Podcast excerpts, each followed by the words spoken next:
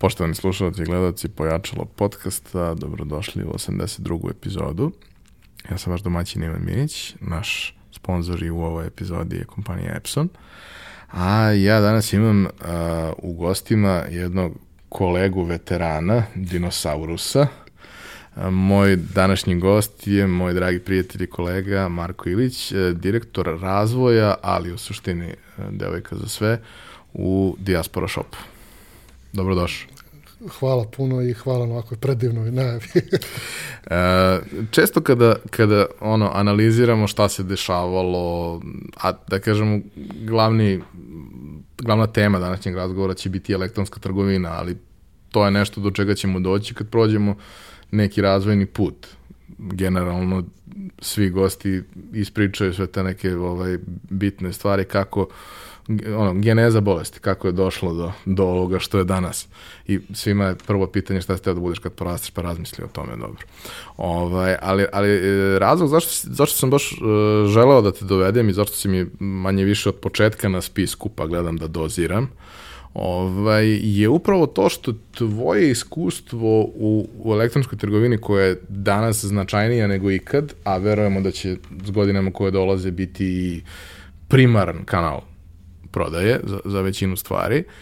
Tvoje iskustvo je izuzetno raznovrsno i, i, i neobično i zanimljivo i mislim da možeš da daš perspektive koje suštinski gotovo niko ovde ne može da ponudi.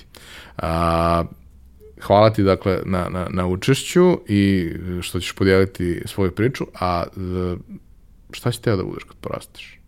Pa, pazi sad kad si me pitao, ovaj, svakako ono kao, kao dete, E, sanjao si o nekim, ajde kažem, planetama, zvezdama i, i tako nešto slično tome.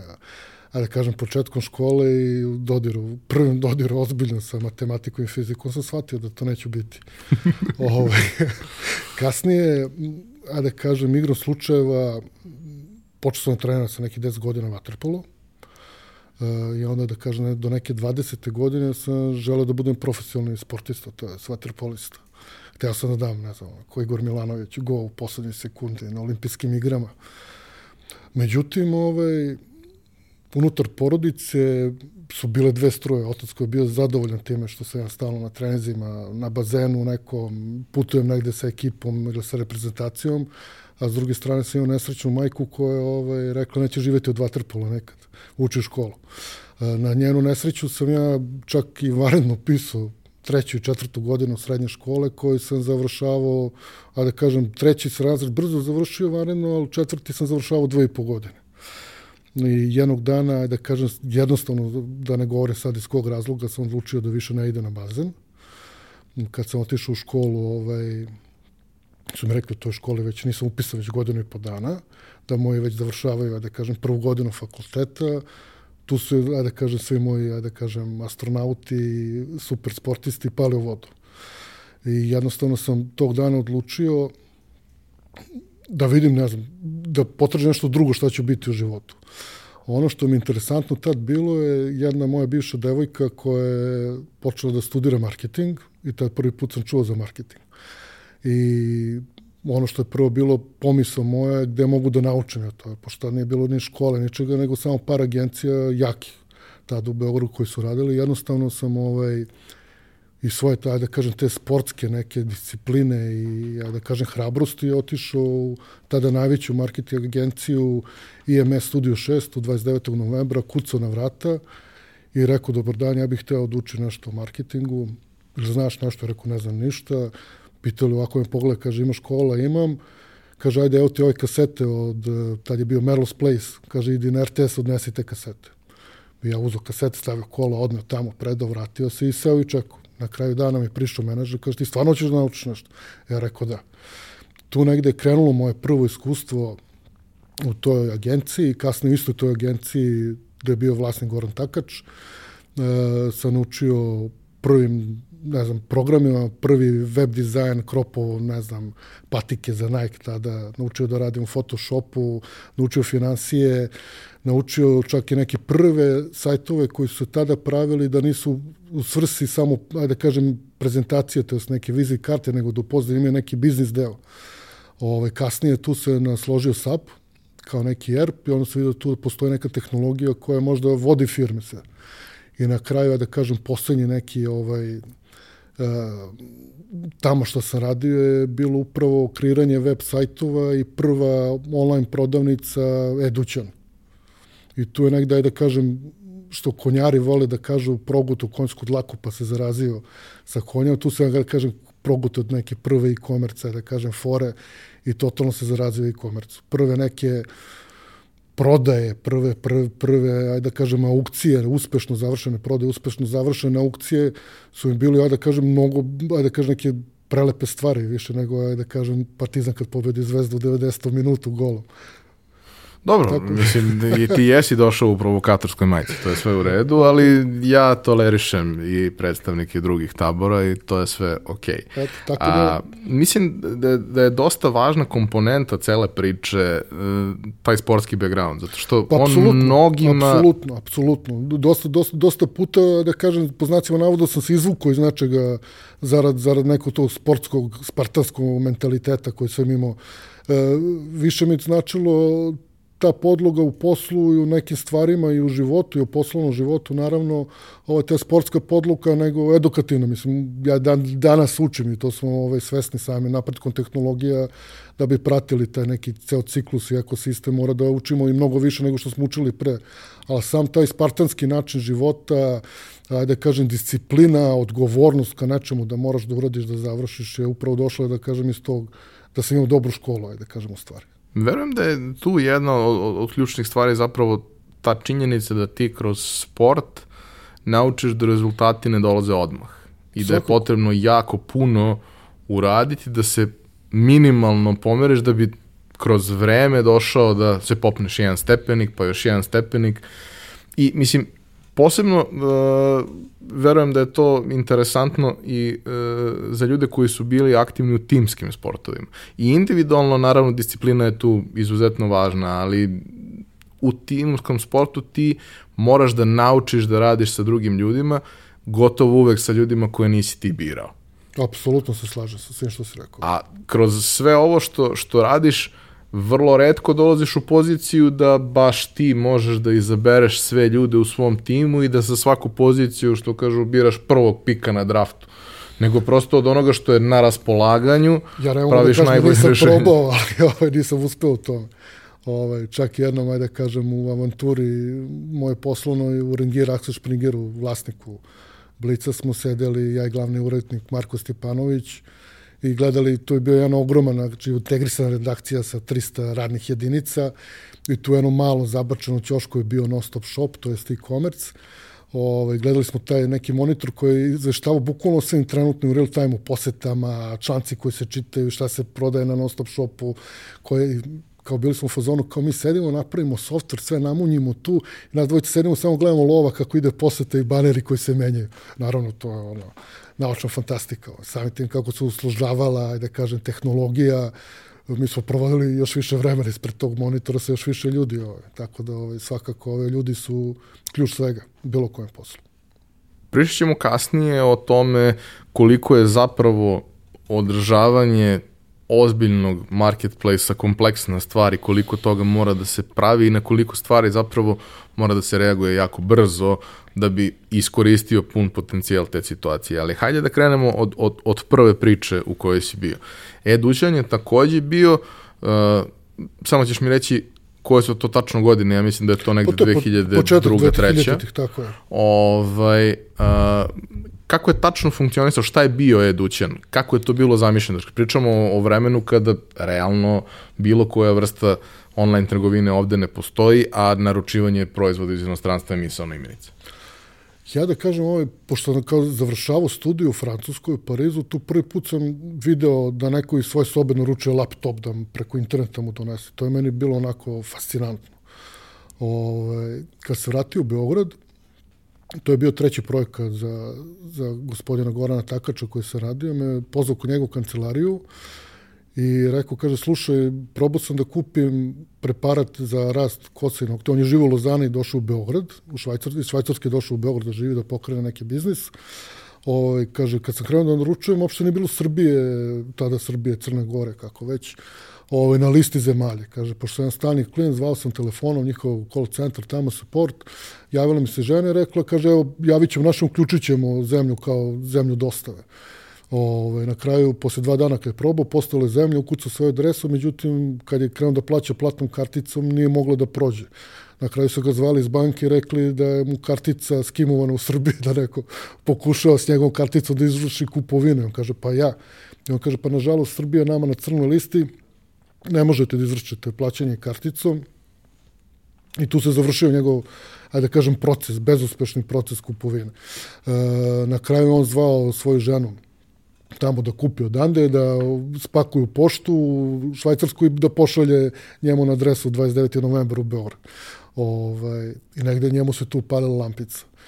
E, kako mi da omogućimo, pošto sigurno postoji još ljudi ko što on, da, da znaju šta im treba, da možda ne znaju jezik, da verovatno ne znaju da koriste računar i da, vero, i da sigurno nemaju platnu karticu. Ispričao mi taj slučaj i rekao, kaže, ajde vidi, razmisli da li postoji tu neki način da mi napravimo nešto da omogućimo ljudima takav vid usluge. E, ja sam, ajde kažem, bukvalno dva dana razmišljao o tome kako da se napravi, došao kod njega rekao imam plan ceo. Ispriču mu, e, to je bio jedan, da kažem, trenutno sad gledajući jedan, da kažem, možda i prvi neki drop shipping koji je urađen nikad u Srbiji, ovaj, jer mi smo, da kažem, sa raznih portala, uglavnom američkih, dovlačili proizvode, od, čak i proizvodi koji su bili određeni samo za američko tržište, na primjer, ovaj, dosta garderobe se kupovalo, tad je, ne znam, Lacoste Knez Mihajlo je bilo 50, ne znam, e, maraka, tamo je bilo 10 dolara, zato što Lacoste tražila proboja, da kaže, na američko tržište.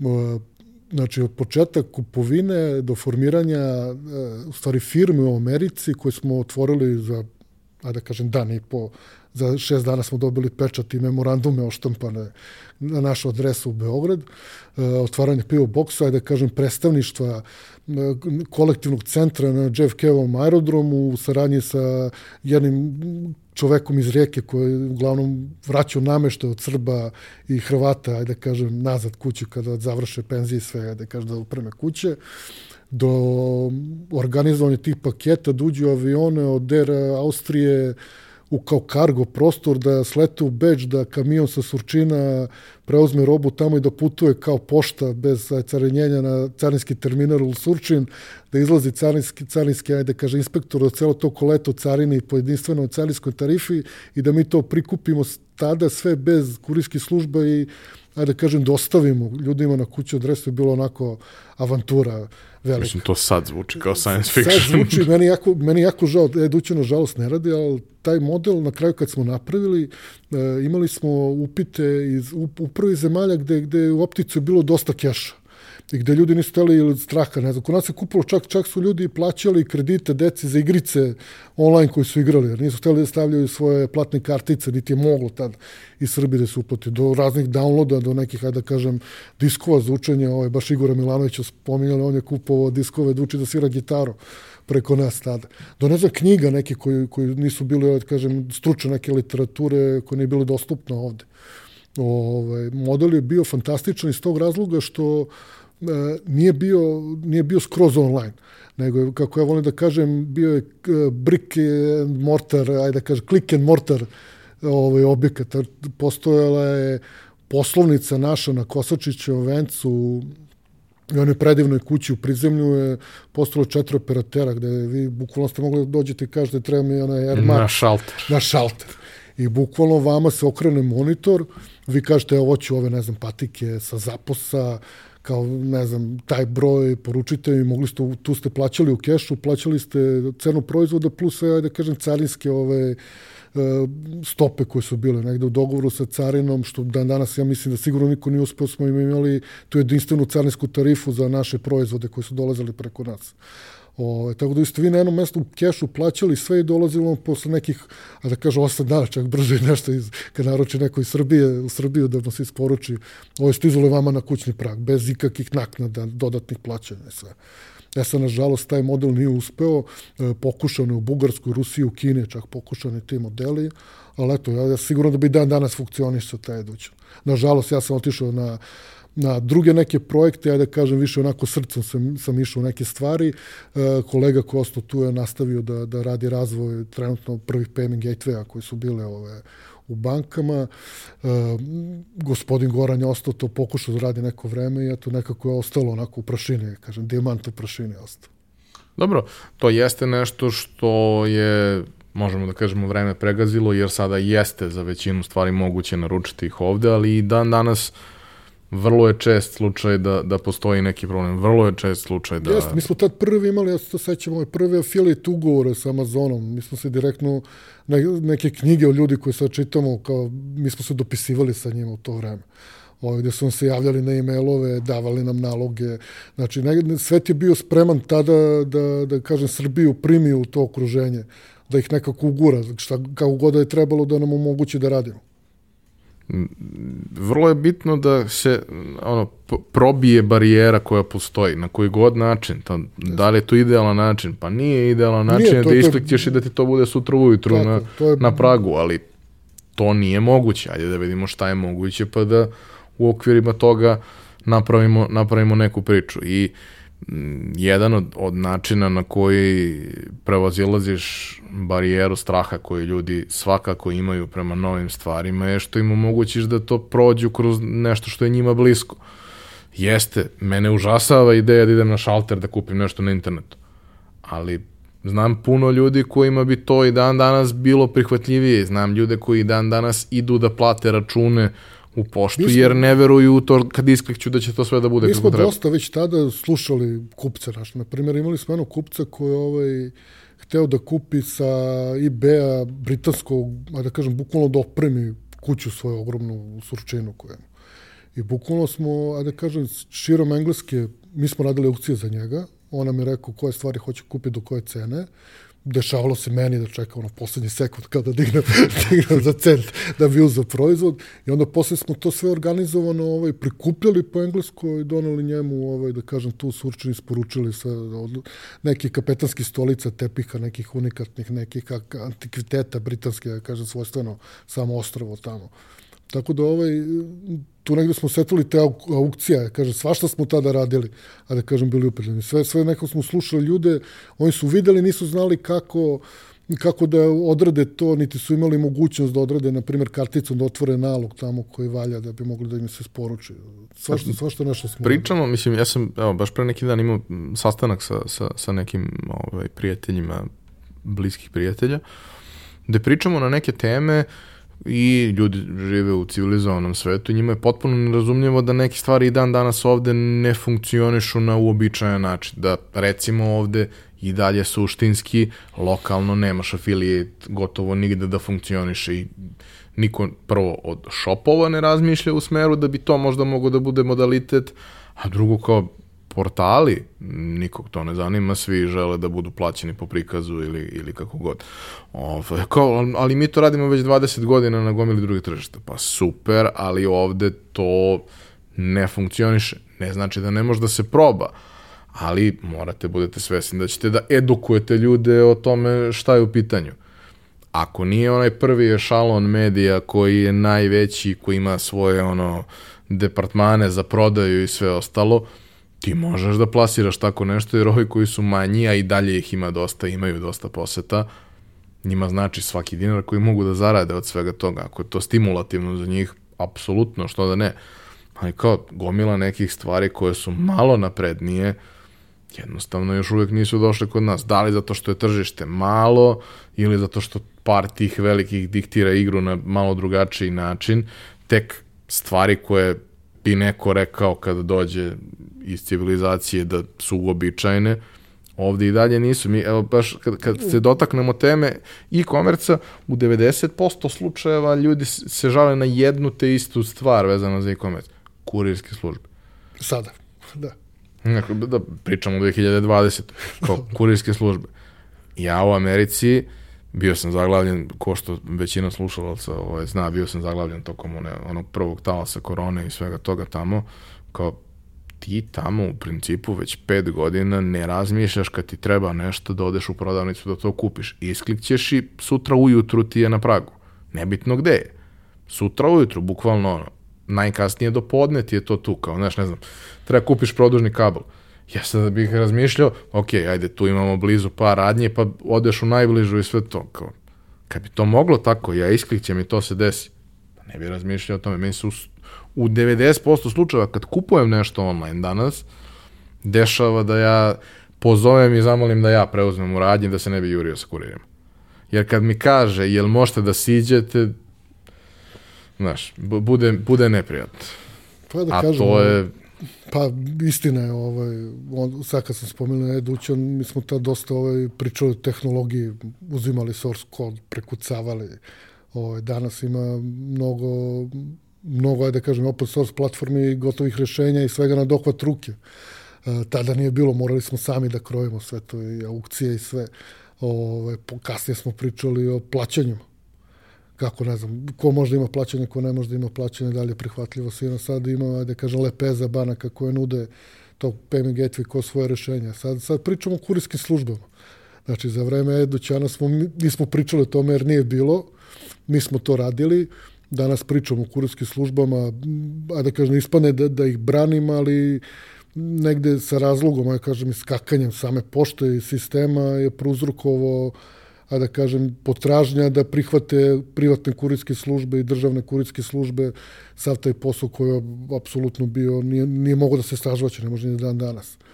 Ove, ovaj, tako da ne, ne želim da ih branim, ali opet ove, ovaj, kažem, evo, na primjer, mi kod diaspora, prvo što smo radili, a da kažem, s rastom prodaje i porastom, a da kažem, prometa koji smo imali poslednjih par meseci, nismo pare podelili između sebe kao mi ili vratili, ne znam, našim finansijerima, nego smo kupili kamione, kupili smo pick-up, kupili smo kombi i kamion, jedan koji se sa platformom saobraća po Srbiji.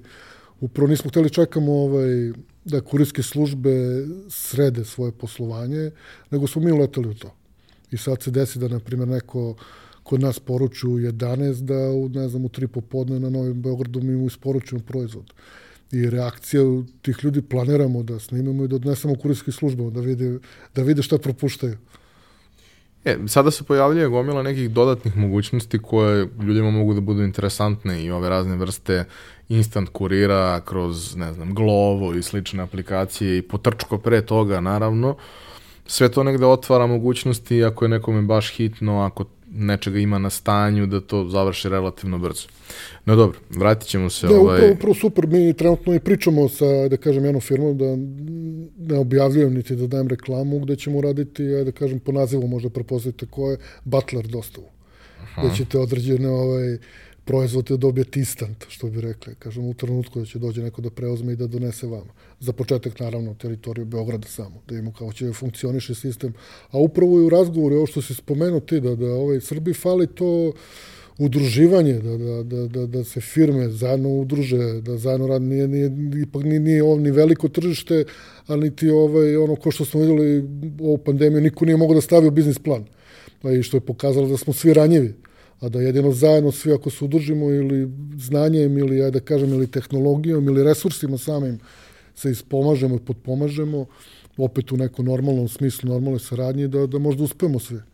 I tu upravo je ta ovaj način, samo shvatanje, e, prihvatanje novih tehnologija i to je su primjena njena u savremenom životu u Srbiji, ja da kažem u svetu je totalno drugačije, ali se nadam da će mlađe generacije od nas ovaj, totalno drugačije to raditi, da će to biti dešavaju sastavni, se, sastavni deo dešavaju života. se promene na bolje, dešavaju se iskoraci, ali da, da, da postoji i dalje gap koji je značajan, nažalost, nažalost postoji. A šta si radio nakon Edućana? Nakon Edućana, ajde da kažem, ovaj, imao sam malu, malu ekskurziju da kažem, prvo privatno nešto, ja veliki sam, da kažem, ljubitelj trkačkih konja i ovaj, na poziv eh, tada, tada se promenila, da kažem, uprava na Beogradskom hipodromu i objedinili su se, kažem, tu su se udružili konjari na jednom mestu i ovaj, napravili su samo svoju organizaciju. Mene su negde pozvali da budem organizator to sportskog dela. I to mi je bilo drugi put u životu ovaj, zbog konja da se nešto totalno svoj život promenio. Prvi put sam se vratio iz Francuske, drugi put sam napustio odličan posao i otišao da organizujem trke na Beogradskom hipodromu. Možda bi to radio i danas opet, ali ajde. Ove, imao sam kratku ekskurziju posle, da kažem, s konjima i sa gambling industrijom online gambling industrija, tu, ajde kažem, ovaj, prvi put sam došao u susret sa, sa, sa ogromnim ciframa. I tu prvi put sam dobio sede. Ovaj, dok nisam, dok, prve sede su mi odatle. Ovaj, nisu od Edućana, niti od žene, to je dece. Ovaj, tu prvi put sam video koliko jedna online industrija može da, da kažemo ono, obrće novca u danu jedno. A znači, o kojim godinama pričamo? Znači, to pričamo negde 2010. godina. Znači, ne, 2008. 2010. godina. Ovaj, Znači, prvi put, ja se ne, ne mogu tačno setiti, ali znam da sam za, ovaj, uhvatio svetsko prvenstvo u Južnoj Africi. Znači, da je to 2008. ili 2010. ne mogu setiti sad tačno. Ovaj, tu sam prvi put video da, da ljudi igraju online, platnom karticom stavljaju desetine hiljade evra na rezultat meča što meni je bilo nepojmljivo. Prvi put sam video da, da se prima svesno uplata na neku kvotu koja, ajde da ovaj, je bila meni realna. Ja sam bio u fazonu kod igra protiv svoje kuće. Ovaj. I na kraju to nije došlo. Ovaj.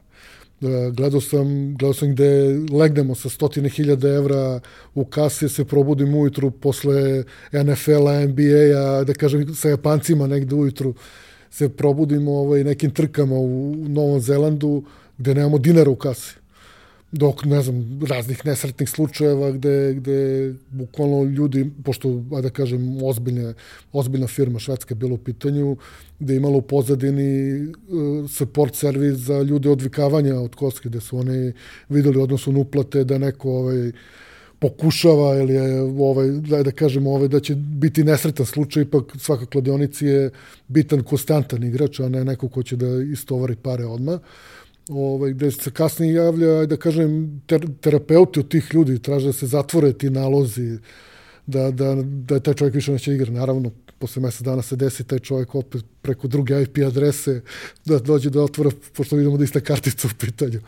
Tako da ovaj, dok, do jednog trenutka nisam naučio da to nisu moje pare, da su to pare od ljudi koji su došli tu da se zabave, da pokušaju da zarade, da kažem po znacima navoda, prekinuli su sede da mi izlaze i da je moj posao bio da što više ljudi dovedem tu da igraju, da li da se e, sportski klade, tad je bio hit ovaj Texas Hold'em, da li da otvore naloge za Texas Hold'em, da im se otvore turnire, ili naj, najluđa stvar mi je bila taj virtualni kazino, ovaj, softverski, da kažem, elektronski rulet i, i one voćkice što idu što para.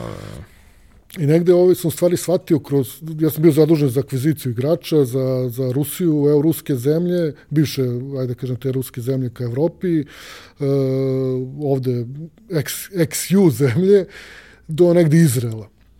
I tu sam shvatio da, da svako tržište, da drugačije ljudi žive, da drugačije mora da im prilaziš. Tad je još Facebook bio otvoren kao društvena mreža koja je krenula, bilo otvorena dosta za oglašavanje tog sadržaja, gde sad trenutno ne može, dosta, dosta kroz neke e, male fan grupe, page-eve smo dosta ljudi dovlačili tamo i to jako uspešno. Ove, ali za svakog je trebala, morala neka druga priča, drugačiji pristup da bude. I na kraju kad sam ovaj negde shvatio da u stvari najviše para tim online kazinima, sa tip sa domaće ovde, donose u stvari ne ovi veliki igrači koji dođu igraju, ne znam, Texas Hold'em, pa vi mu to naplatite procenat ili igraju utakmicu za 5-6 hiljada, 10, 4 hiljada evra ovaj, single, pa vi uzmete te pare, da kazino online ne živi od toga, već živi od domaćica. Od, eh, da kažem, ljudi koji dođu da se zabave tu koji otvore nalog i koji, ajde kažem, drže tu disciplinu da na tom Teksasu ili na tom virtualnom kazinu, tim vočkicama ostave tih 5 eura mesečno. Znači, oni nisu došli da zarade, oni su došli da se zabave. I onda se shvatio da u stvari ceo taj koncept treba tako da bude komuniciran ljudima, da dođu da se zabave, da se druže tu, ajde kažem, svakako je posle grupe su se pravile na tom Texas Hold'emu, ljudi su se družili, ajde kažem, posle neke intervjue smo radili sa pobednicima, što je jako zanimljivo, profil tih ljudi iza, ne znam, prodavca pljeskavica do profesora matematike, ove, svakak, svakakvih ovoliko je bilo. Ali uglavnom tu, tu sam učio da, da svako tržište priča za sebe, da, da pare ne mogu odmah, da kažem, da se uzmu i da treba ljudima pružiti vrhunsku uslugu, zabavu, da bi došli opet da ostave pare to kod tebe. Znate, to je negde, ajde kažem, iskustvo koje dan danas imam i na koje vodim dosta računa. Meni znači je da... recimo posebno interesantno bilo kad sam pričao sa par nekih ljudi koji su u marketingu ovih naših velikih kladioničarskih kuća koje sve pokušavaju da izađu van tržišta Srbije i da rade nešto i na drugim tržištima. I kao, ok, ja što sam to nešto išao po inostranstvu, ja se baš i ne sećam da je bilo nešto mnogo kladionica, ima zemalja u kojima jeste, kojima je slično to kod nas, da je kladionica i kafić i kafana i tu se skupljaju da se gledaju utakmice i sve, ali onda shvatiš da zapravo gomila zemalja uopšte ne radi to na taj način i da imaš dosta zemalja gde je to bukvalno mali šalterčić negde ili nije ni šalterčić nego je nešto što liči na vendomat i tu se sve dešava i da se zapravo većina toga preselila na online. online. I da kad ulaziš negde, moraš da razumeš te stvari. Mislim, gde god da ulaziš, ne možeš da ulaziš na način na koji si ti navikao, nego na koji je tržište naviklo. I da se prilagodiš tome. Ako hoćeš nešto da menjaš, i to je okej. Okay. Ali ne možeš da kreneš sa nečim što ljudi ne prepoznaju, s čime ne mogu da se asociraju. Znaš, sada, ok, sada je došlo do toga da zapravo za, za, za dosta nas taj online betting deluje kao default način klađenja koji je, da kažemo, svima prihvatljiv i, i, i interesantan. I upravo u, u toj varijanti gde ti to nije, ne baviš se time svaki dan, ceo dan, čitaš liste, čitaš vesti. Ne, brate, nego isklikćeš ko kad igraš top 11 ili igraš nešto, igraš 5 minuta nedeljno ili pola sata nedeljno i to je to. Ili upravo to što si rekao, da imaš, ako je nekakav online community, ovaj, da imaš svoje ljude sa kojima si se nekad pre 30 godina se nalazili da igrate Jump ili šta god, a sada se nalazite tu, samo što sad više ne morate da budete iz komšiluka, sad možete da budete iz celog sveta ako ti je okej. Okay. I nekako mi se čini da je taj moment građanja zajednice postao veoma, veoma značajan, a da je nemoguće doći do toga bez upoznavanja tih ljudi i razgovora sa, sa svima njima. I mnogo mi je drago što si, što si taj primjer dao, zato što većina ljudi u tim situacijama pretpostavlja. I ok, kada ne možeš da pitaš, u redu je da pretpostavljaš, u redu je da meriš pa donosiš neke zaključke. Ali kad možeš da pitaš, pitaj. Šta najgore što može da se desi? Da ne dobiješ odgovor? Pa dobro, ali mislim, ako pitaš 100, dobit ćeš od 80 odgovor. Još ako daš neki, neku motivaciju da to učine, super. Ne znam, negde, da kažem, ovo u najavi samo kad se rekao, ne znam, veteran, dinosaurus, tu ono da ljudi možda steknu, a ja više volim da kažem pionir, ovaj, nekako bolje se osjećam. Ovaj, ljudi dosta kažu, ono, kad neko pitanje se pokrene, oni kažu, zove Mareta, Mare zna sve. A ja ovaj, ne, negde baš i ne volim to, to da kažem, više volim da kažem, Mare zna od svega po nešto. Jer i dan danas ovaj učimo. Dan danas aj na nekim najnovim projektima, što kažem, ajde, ovo je najbolji u ovom trenutku što sam smislio, do sada iskreno nisam ubao nijedan projekat 100% da je takav bio. Ono ko, što je bio prvobit u nekom biznis planu ili na nekom bilo kojem parčetu papira napisano da će se desiti. I upravo ovo što ti kažeš, da dosta, dosta stvari kroz da kažem, start i jedna ideja, drugo je da kažem taj roll out i ja da kažem ono nešto danas što je to. Ne znam, na projektu danas koji radim, kad se vratim pre dve godine na početku, šta smo pisali, ovaj, ja bih rekao koje su budale pisale, znaš, nešto smo i će bude, sad je totalno drugačije, jer smo mi upravo, ajde da kažem, ovaj, učili, dotakli smo se tada neke, ajde da kažem, ciljne grupe, koja nam nije baš bila bliska, nego smo čitali, razumeli, pitali neke koje stvari je sve bilo, da, da kažem, da ne kažem tabu tema, ali negde niko, niko dovoljno pažnje tim ljudima nije pri, pridao, niti se zna kako se one kreću, niti koji to je profil ljudi. Da trenutno to pričam za dijasporu, tačnije, ovaj, tako da danas sa ovim iskustvom sa, koji imamo danas na, na tom projektu sam siguran da bi dosta vremena i novca uštedili nego što smo imali, ja da kažem, u samom startu. Jer upravo taj, ja da kažem, ko što ste rekao, taj početak i svega toga nismo imali gde da pitamo. I nismo imali gde da, da kažem, pročitamo. Znaš, smo čitali, videli, pratili, videli smo taj tok novca. To nas je ono, da kažem, povuklo. Te pare koje dolaze iz, da kažem, iz inostranstva od naše migracije u Srbiju. I tu negde ovaj, nismo gađali kao sad ćemo sve, nego kao 0,1% da uzmemo, bit ćemo super. Da, ba naravno, mislim, u principu generalno pratiti novac je dosta dobra ovaj, praksa kada razmišljaš gde bi moglo da se napravi nekakav biznis. A, nakon a, gamblinga, ili što oni vole da kažu gaminga, ovaj, da, lekše zvuči. kako, se, kako se priča razvijala dalje? Bilo je tu još nekoliko baš interesantnih priča koje su te uvele možda i u malo korporatizaciju na nekom lokalnom nivou. Pa jeste, sle, sledeći poziv sam dobio od mog drugara Igora Radinovića, Igor, Igor je dinosaurus. Eto, Igor je dinosaurus u našoj industriji. Ovaj, e, dobio sam poziv, on je išao na prodajsku umesto žena. I trebao je neko da ga zameni šest meseci, o, da, Igor, Igor je ovaj, poseban čovjek. Ovaj, treba neko da ga zameni šest meseci na projektu Ringierovom non-stop shopa. Ove, on je mene zvao, videli se, opet po preporukama nekim smo se ovaj, našli, popričali, njemu je tu bilo ovaj, super kako razmišlja šta mislim, treba je praktično, ajde da kažem, da čuva njegovo mesto dok se on ne vrati sa porodilsku. E, imali smo razgovor e, tada sa direktorom digitala, e, Jovan Protić je bio direktor digitala tada u Ringijeru, e, onako me pitao, sveća to pitanje bilo, kao šta bi ti sad prvo uradio? ja kao ne znam, znam ovog drugara što Igor stvarno napravio jedno super okruženje. Prvi put da sam došao u susret da neko, neko, neko, neko napravi nešto da možda sedneš i da radiš. Eto, eto to je ovaj, Igor je, ajde da kažem, ovaj, pozadine njegove kombinacije je završio mašinski fakultet i programer. I onako je, ovaj, kad sam došao, vidio sam samo da falio taj prodajni trenutak, ovaj, gde, gde on nije mogo da ima samo tome da se napravi super priča.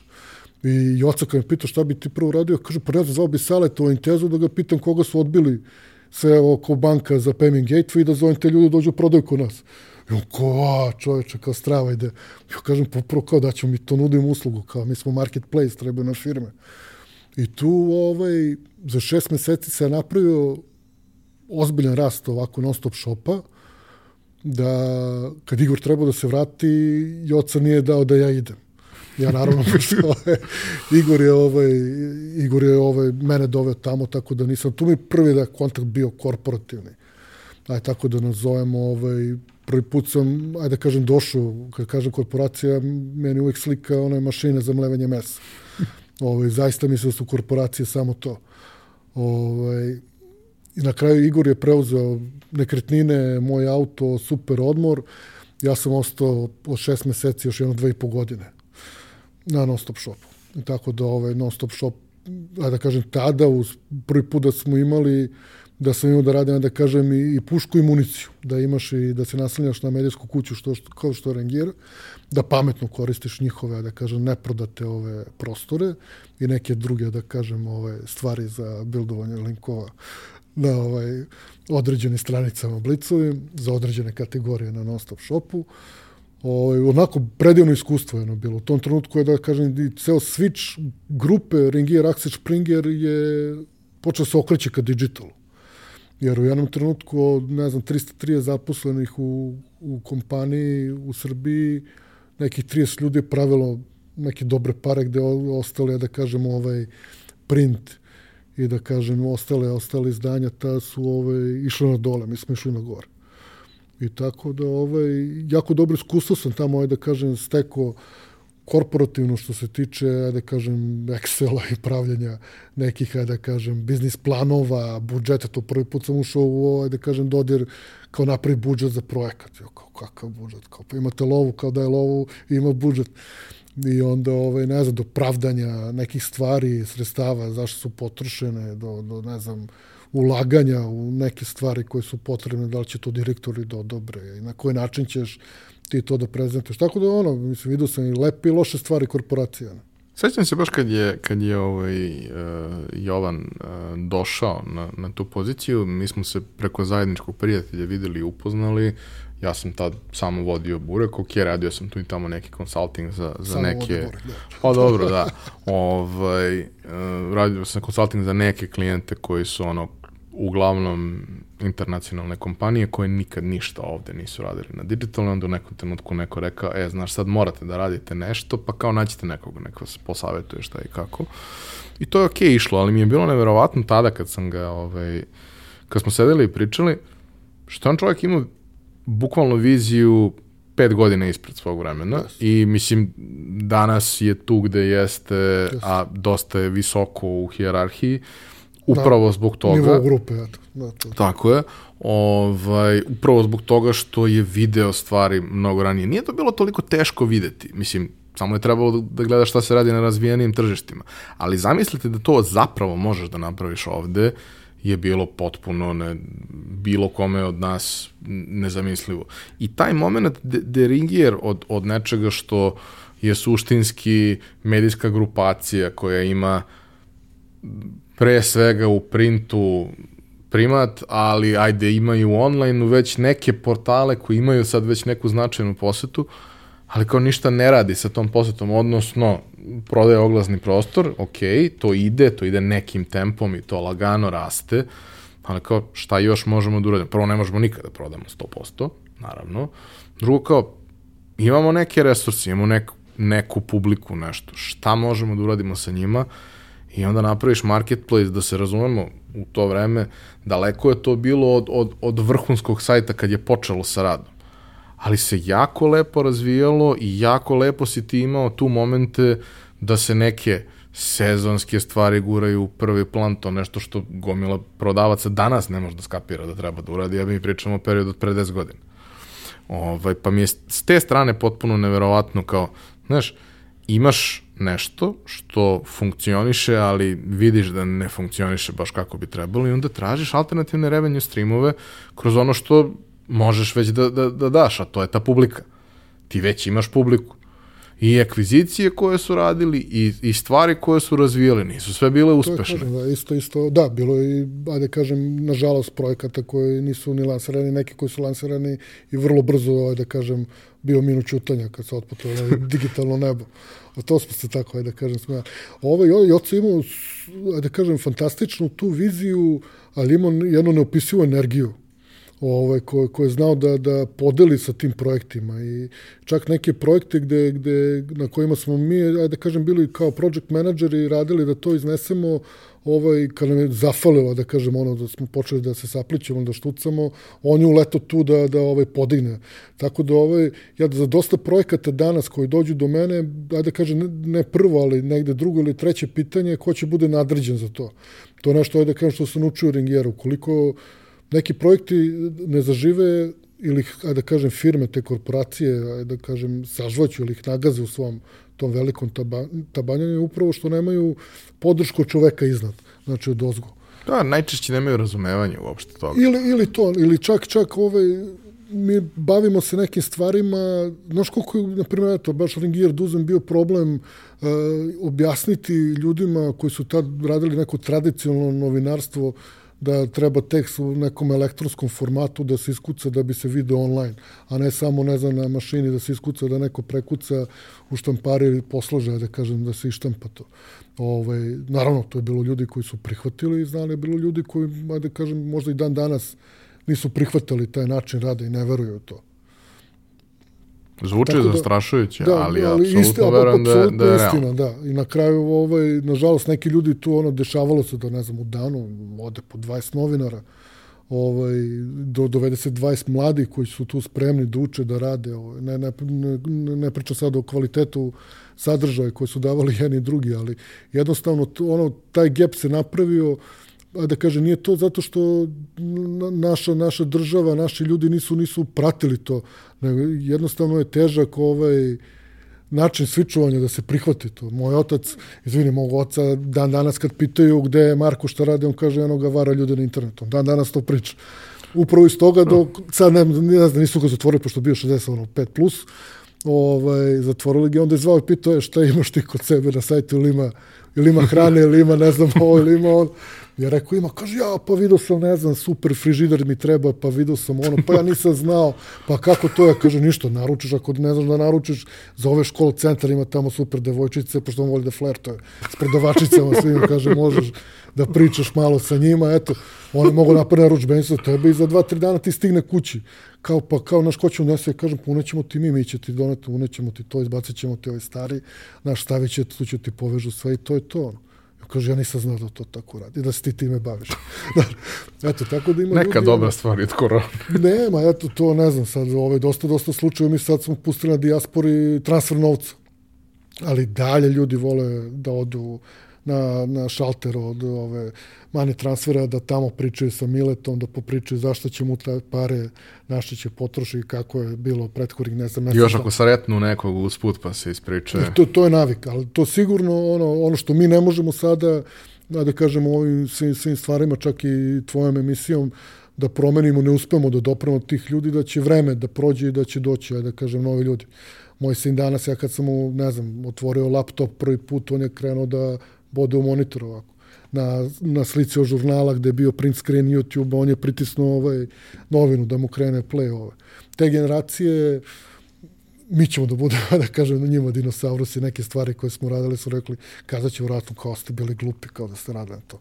Na taj način. O, svako vreme nosi svoje, ali jeste upravo taj, ono, taj moment koji je kod nas vrlo često u raznim domenima, kao mi smo generalno gubitnici tranzicije, a tranzicija je upravo prelazak između takvih stanja. Ja se sećam, bio sam baš klinac, mislim, to je bilo možda 2003. četvrta godina, i kao imao sam neku saradnju sa nekim ljudima koji su imali neki radio koji je bio za dijasporu i sve i negde u Beogradu su imali kancelarije i ja dolazim i e, tri pisaće mašine, tri čoveka koji ono, sad nisu neki baš ono, nisu deke, ali mislim imaju onako 60 godina i gledam onako i kaže, e, to ti je novinar. Gledam ono, napolje 40 stepeni, on sedi u sivom mantilu, prsti žuti od pljuga, znači ono, bukvalno ne znaš da li je mazano jodom ili samo je od pljuga ili ono, da li je žutica Ovaj, I ono, pali cigaru za cigarom, piksla na kojoj je ono mali vulkan piramida, od, piramida. od, od piramida. ovaj, I kao, neš, e, to je novina. Rekao, dobro. Tad sam kao razmišljao da se možda bavim novinarstvom i skapirao da ja ne bi mogo tako da se ovaj, ponašam.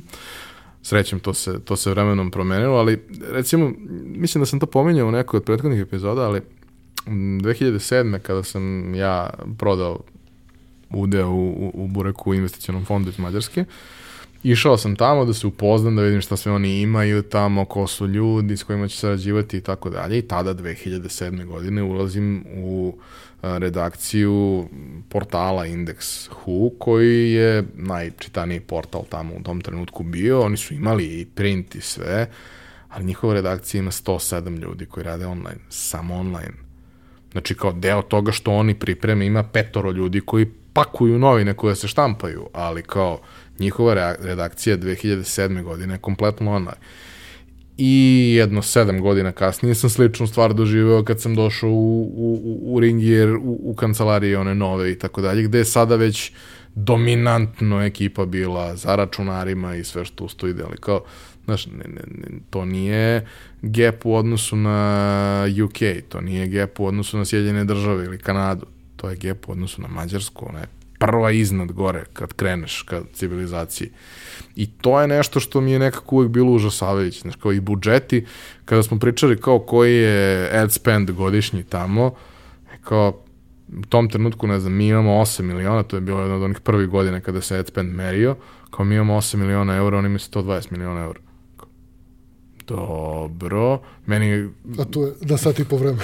znaš kao, meni kolege pričaju kao, znaš, ono, pošto je njima Christmas period uvek super i nama je bio, mislim, čim je krenulo malo ozbiljnije oglašavanje i nama je taj decembar kad se troše budžeti i kad se idu na ugodišnje kampanje i sve, uvek bio najbolji, naravno. Ali mislim kao, imaju kampanju koja je jedan dan floater koji se pojavljuje koja je 75.000 eura, kao je za godinu dana ne napravim 75.000 eura na svim oglasnim pozicijama, na svemu. I onda skapiraš da prosto za mnogi stvari moraš lagano da ideš da bi do toga došao. I ima ta priča, ono kao, uh, Hrvati imaju tu sreću da je kod njih internet zaživeo zato što su imali Severinu, pa je domaći proizvod progurao internet. Mi nismo imali tu sreću, ali s jedne strane imala je da. Severina, a imalo i taj moment kad su ljudi skapirali da je Facebook super i za staro i za mlado, pa je to krenulo da se, da se širi. To jesu neke godine ekspanzije. Pa pazi, ja sam siguran da su društvene mreže, na primjer, dosta doprinile tome. Ovaj, fascinantno je sada da, da ovaj, penzioneri kao super potrošačka ciljna grupa u Srbiji ovaj, sa, sa stabilnim, da kažem, i redovnim primanjima, da ne kažem velikim, ovaj, su postali ciljna grupa ovaj, na Facebooku. Samim tim ovaj, što su oni počeli između sebe da prave svoje grupe, da se druže, da pišu. Ja kažem, Facebook je dosta doprinuo, da kažem, razvoju digitala da kažem samo u, u Srbiji. Ne, mi nismo imali tu sreću da to bude domaći proizvod, ali bitno je da se lagano desilo to da mi svake Dešao godine imamo, Dešao imamo ozbiljan rast. A, šta su, ono, kad, kad razmišljaš danas iz, iz ove perspektive, mnogo nekih interesantnih stvari si doživeo uh, kao deo uh, non-stop shopa i, i deo ringiera, ali šta ti je nešto što ti je najvrednije što si kasnije uh, preneo na sve dalje projekte koje si radio. Jer kao to je, to je prvi put da ti e-commerce na, na ozbiljnoj skali radiš na ovom tržištu i mm, okrenuto ka ovom tržištu. Jer Edućan nije bio takva priča. Edućan pa nije, je bio... Edućan je, da, Edućan nije, nije mogao u tom trenutku da bude ta priča. Dosta stvari, a, a da kažem, ovaj, u Ringeru, ja prvi put sam imao pristup mislim, to, to je, na primjer, redko ko zna da, na primjer, troje ljudi držao sav digital, tri programera, sve one njihove, i blitz.rs, i nonstop shop, i moj auto, i nekretnine, i super odmor, i blitz žena, i sport, da to sve je bilo ovaj... Makonda. Makonda i tri čoveka ovaj, u pozadini. Znači, ovaj, jedan, jedan menadžer njihov koji je vodio dva PHP programera. Ovaj, na primjer, dosta, dosta sam shvatio koliko kvalitetan jedan programer koji može prodajno da razume biznis koliko znači. Da nije to sad on, ne znam, da je master ili ne znam čega, PHP super senior, a koliko on ne zna ti sa poslovne strane, biznis prodajne strane, šta hoćeš da on napravi ono, koliko to ne razume, uglavnom ispadne ono da se šest puta vraćate i bude preskup razvoj. Naprimjer, tu sam shvatio tehnologija, na primjer, koliko znači, koliko je bitan taj stabilan kod na, na jednoj platformi. Uh, Nostop Shop je pravljeno od nule, da kažem, jedan dečko koji je trenutno u Španiji radi za gambling industriju, tamo je otišao ovaj, i isprogramirao to za dve nedelje, ceo Nostop Shop i čak imao u pozadini kodove neke za koje mi nismo znali, tek posle tri godine nam palo na pamet da možemo to da radimo, on je projektovao tada, na primjer, isprogramirao to da radi. Ovaj, nekako, ajde da kažem, osim tehnologije i svega i da, da kažem to neko prodajnog dela šta, šta, da, da ne mora ono da znači šta se offline prodaje, da mora i online da se prodaje, nekako sve se svelo, da kažem, na, na ljude. I nekako sam shvatio da, da sam tim na projektu je u stvari srce sistema, da nije to ERP, da nije neki kod nekog šopa, nego sami ljudi koji rade na tom tom ovaj projektu. Ja dosta volim da citiram i ovaj vlasnika Alibabe, ovaj, kad su ga pitali, pa ne znam, investirano, ne znam, i Amazon toliko, vi, ne znam, duplo manje ljudi, sa 10% tih ljudi ste ostvarili, ne znam, veće promete i to sad u tom startnom periodu i on kaže, pa evo, mi smo, na primjer, imali, ne znam, Amazon imao hiljadu ljudi, mi smo imali 100 ljudi, ali 100 ljudi koji je verovalo u projekat. I tu negde na kraju vidim samo jačinu, znači u ekipi koja radi. Bukvalno namerno kažemo ekipi, timu, a da kažem se vratimo na onaj sportski deo, da neko ka neko pogreši, da je drugi može da uskoči da zameni. Kad se jedan povredi, da imaš na klupi igrača koji možda nastavi njegov posao. Tako da ovaj, sva, sva što se dešavalo na kraju sve je spalo, a da kažem, na ljude i na kvalitet ljudi. I uvek je to da, da, da ljudi po defaultu ljudi ne doživljavaju stvari svojim. A ako ih ne doživljavaju svojim, onda je to samo posao. A ako je samo posao, to je okej okay kad si korporacija gde realno efikasnost u principu nije preterano bitna zbog ukupne količine ljudi i svega, ali kada je to startup u okviru korporacije ili startup nezavisno od korporacije, taj deo posvećenosti i toga da ljudi to osjećaju kao svoje bre, da im je stalo do toga što se dešava, to ne može ništa da zameni. Ja, dosta ljudi sad, ono, dosta, dosta njih zove hoće krenu u e-commerce. Moje prvo, ovaj, a naravno, pored toga ko će radi na tome, je pitanje ovaj, da li ste vi spremni da živite ovo naredni period, dok to ne zaživi. Znači, da li ste spremni svoj život da date u to 24 sata. Jer, ono, e-commerce uopšte nije, ja dosta ga poredim sa rudarskim poslom, uglavnom neke nepredviđene stvari e, te, što se tiče tehnologije se dešavaju noću. Ovaj, I to su imaju poznato, ono, da tad gremleni izađu i kvare ono, sve. Ali jednostavno mora da živite, ne znam, evo, ja, ja sam odabrao najteži taj mogući vid e, e-commerce kao marketplace, gde vi, ono kažu, super ne radiš sa svojom robom, jeste, ali na kraju ti sa tuđom robom mora da napraviš pare za sebe i za ljude koji rade na tom projektu i ta komunikacija... I da kvalitet da, i same usluge, usluge, isporuke i svega ne trpi, što ne je trpi, vrlo naravno, izazovno. Naravno, naravno, a neke stvari ne kontrolišete, naprimer sam taj trenutak isporuke na kućnu adresu kurira koji unosi to, donosi, dalje bio raspoložen tog dana ili nije, na to ne utičete, ali opet cela slika je, ajde da kažemo, ovaj pada na vašu uslugu.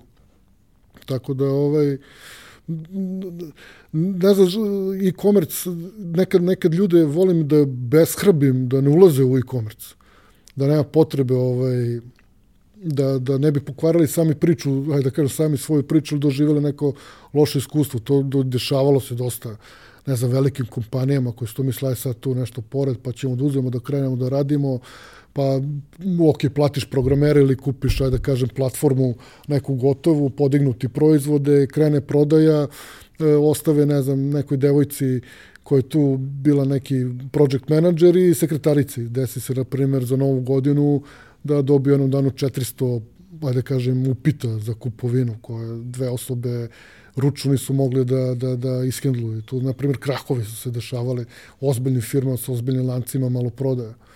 Tako dok nisu shvatili ovo, i opet da kažem, ova pandemija je ogroman, bolji marketing nije mogla da donese i komercu nikada. Ovo, ovaj, tako da dosta, dosta sada se radi na tome, dosta, dosta, da kažem da se vrati na prethodno pitanje što sam pitao što sam poneo, to, to svakako su procesi ti koji se dešavaju od posle toga dodaju korpu. Postoje procesi na sajtu i postoje procesi van sajta koji su, mogu da kažem, bitniji čak nego sami procesi na sajtu ovaj, ko kad preuzima naručbenicu, kako se to dešava, kako se obrađuje, šta se radi s dobavljačima kad nemaš... E, da imaš informaciju u svakom trenutku, Tako. pa i da kupac možda ima informaciju. Absolutno. Generalno, vrlo često kad, kad baš ono i, i, i analiziramo i neko lično iskustvo i kad pričaš sa ljudima, vrlo često na tom delu suporta ka korisnicima bude najveći problem. I jeste to negde razumljivo, jer ti kad imaš fizičku prodavnicu, ti nemaš support, mislim, suštinski, ono, imaš prodavca u prodavnici, ali onog trenutka kad se završi, to je to. I onda sistemi vrlo često nisu spremni da sve to ishendluju na pravi način, pa onda ako je neki fizički proizvod, pa reklamacije, pa servis, pa čuda, Znaš, ne, ne, ne mnogo, pa razmišljaju pa mnogo, ljudi. Mnogo teže a... velike firmama. Jer velike firme ono, imaju one flight bookove njihove koje gurnu u svim sektorima, I, na primjer, ajde da kažem, online i digital je, ajde da kažem, promenljiva stvar. I, na primjer, ne znam, procese bilo gde da pravimo, ja govorim ljudima, je, ok, ovo je sada, ali vidi šta će se desiti, neke edge case-eve ne možda da, da, ovaj, da, da pretpostaviš. Ja mogu iz nekog mog iskustva da prenesem kad se desi ovo, radi se ovo, ali opet desi se svako, svako ima različito iskustvo i svaka, da kažem, firma drugačije u svom magacinu nekom procesira te naručbenice koje je zaduženo u svojim erpovima, Tako da uvek svaki projekat neki na kome sam radio je drugačiji. Ajde da kažem, i nova priča, neke novo iskustvo i novi proces koji se pravi. Da li postoji savršen proces? Ja možda mislim da postoji, ali nisam, još uvek ga nisam ovaj, našao koji može da bude primenjen na svim projektima. Tako da ne branim, ajde da kažem, sve ove online prodavce, ali upravo su to neke stvari na kojima, kad pričamo, kažem, ovo smo sad napravili, ali ovo nije kraj, no, ovo stalno mora da se i upgradeuje i odnosu na kupce, slušajte vaše kupce, vidite gde ste pogrešili, priznajte da ste pogrešili, ne znam, naravno pričajte s tim kupcima, nekad, nekad je dobro, ovo je potrebno da dobiješ čvrgu da bi se opametio i da bi neku stvar napravio boljom. Nije, znaš, ja vrlo često kao šta je idealno korisničko iskustvo u e-commerce? Idealno korisničko iskustvo ne postoji. Ne postoji. Ali najbliže idealnom korisničkom iskustvu je Amazon. Aha, pa što ne iskopirate Amazon? Pa moraš da budeš Amazon da bi mogao da iskopiraš Amazon. Nije to, znaš, kao sednemo i mi ćemo isto da radimo kao oni. Pa nemamo mi ni infrastrukturu, ni ljude, ni znanje, ni celu onu ono, istoriju i iskustvo koje oni imaju. Možeš ti da imaš dobru volju i možeš neke stvari, naravno, da, da primeniš kod sebe. A kao Amazon postoji 25 godina i ima 25 godina iskustva više nego bilo ko drugi ko želi da bude Amazon. Apsolutno, da. Niti njihovi sistemi to priča, ono, iz garaže i to sve, to je onako za filmska priča, ali to su ovaj, milijarde dolara su investirane u taj projekat da bi uspeo sam, da bi krenuo da zarađuje. A sve opet, kažemo, ovaj, zaslugom jednog čoveka koji je verovao taj projekat i koji je znao da uveri ostale partnere da finansiraju to. Da, mislim i znaš ono, jedna od stvari recimo koju ono gomila ljudi ne zna, mi svi koji smo iz posla naravno znamo, kao Amazon je imao problem sa infrastrukturom. I šta je uradio? Napravio je novu, kompletno postavku infrastrukture i sad se ono, četvrtina interneta se vrti na Amazonovoj infrastrukturi, bez obzira što nema veze sa samim Amazonom. Jer moraš da budeš dovoljno veliki da bi mogao da radiš tako nešto. Kao, znaš, ne znam, mislim, ja, ja sam uh, Apple user, to svi znaju i ono, Apple uh, ambasador i sve što uz to ide i preporučujem svakome i to sve i kao, a što ne može neko drugi da napravi to? Može da napravi, može da napravi hardware. Ali software je mnogo veći posao. Mislim, većina proizvođača ne napravi ni hardware da bude takav, da bar to uradi, pa ajde, kažeš, ok. Ali kao, njihova vrednost je upravo ta sinergija dve jako kompleksne stvari, da ti imaš vrhunski hardware koji je vrhunski spakovan i imaš software koji na tome radi sjajno. Jel ima problema? Ima, naravno. Ali postoji neki standard kvaliteta koji varira iz godine u godinu sad i, i solidno, a koji su ljudi dalje spremni da plate. Znaš ko, ljudi, ljudi ne kupuju to, ima određeni procenat ljudi koji to kupuju zašto je lepo i to je u redu. Ali zapravo vrlo sam siguran da velika većina ljudi kupuje to zato što radi, a ne zato što je lepo. Pa sama, sama ajde da kažem, statistika ljudi koji je prešlo na Apple, da li se vratilo na stari uređaj? Pa vrlo Ja- malo. Ja, vrlo malo. Znaš, a, a taj moment, ja recimo baš dosta, dosta ljudi sam konvertovao, A to pričam, to, to iskustvo, doživljeno iskustvo je ono, ajde da kažem, vrednost, već sad to je vrednost brenda. Znaš, jedna, jedna od stvari koja se tu desila, koja je mnogo pojednostavila celu priču, je što kao poslednjih deset godina manje više sve što mi radimo se dešava u brauzeru. Imaš ti, ok, koristiš ti Office paket, koristi možda neko Adobe Suite i tako dalje, ali nekad si ti u suštini za sve što si radio imao neki program negde, ono, hiljadu jednu ikonicu. pa. Sada 90% tih stvari se dešava u brauzeru. I kad prelaziš sa Chroma na Windowsu na Chrome na Macu, to je seamless. Sve je isto. Takođe, mislim, taj isti Adobe Suite je isti. Ajde, Office nije baš identičan, ali mnogo lakše se desi tranzicija i mnogo je manji taj uh, uh, strah kod ljudi kad im pokažeš da, da je to zapravo prilično slično. I to je ono što smo rekli i, i, i- ovamo. Ti moraš da, da nađeš nešto sa čime će ljudi moći da se asociraju, nešto što im je dovoljno poznato, da zbog toga što im je dovoljno poznato nemaju toliko količinu straha da uđu u to. Skoro, skoro neko, jedno dosta bilo predavanja ovih poslednjih par meseci koje smo držali negde, baš sam onako potencirao to kad neko krene, nisam hteo da pitam ljude, pošto je bilo dosta ljudi ovaj, slušalo, ko, ko šta ima, bilo je za kao neke, ajde da kažem, ko, ljude koji hoće da uđu u e-commerce. Ja sam rekao, ovaj, rešite jedan problem tržišta i krenite u to. Znači, samo jedan problem, ne morate sad da rešite ne znam koliko, znači ako rešavate jedan problem svojim shopom, rešavate jedan problem tržišta, krenite. Ukoliko ne rešavate, nemojte ni da krećete. Ja mislim, stvari evidentno se kreću i evidentno prave ovaj lagano se ono formira ona velika snežna kugla koja će sad da, da sruši sve na svom putu otprilike. A nakon non-stop shopa kreće priča sa tako lako, ako se ne varam. Jeste, tako lako. To je s korporacije u korporaciju. A da kažem sad je iz jedne nemačke korporacije u jednu porodičnu korporaciju. E, e, Opet marketplace. opet marketplace. u stvari, da se vrati malo nazad. Uh, ekipa iz Nelta je došla da kupi non stop shop od Rengijera. ne znam da se imao tu informaciju da se zna. Yes, e, sećam se to. I ovaj, nekako, ovaj, ja se radovo toj, toj ovaj, da kažem, sinergiji te dve firme, jer s jedne strane smo imali, da kažem, u tom trenutku na, najveću, najveću medijsku kuću ovaj, u Srbiji, a sa druge strane na, najveću distributersku ovaj, kuću u, ovaj, u, u regionu, da kažem, možda i šire. Ovaj, negde sinergija te dve strane meni bilo super. Međutim, e, negde su se tu umešale ekipa iz Švajcarske, gde se taj ceo, da kažem, posao kupoprodaje, sinergije ili već kako, mene, mene negde direktorka tad pitala ovaj šta da radimo.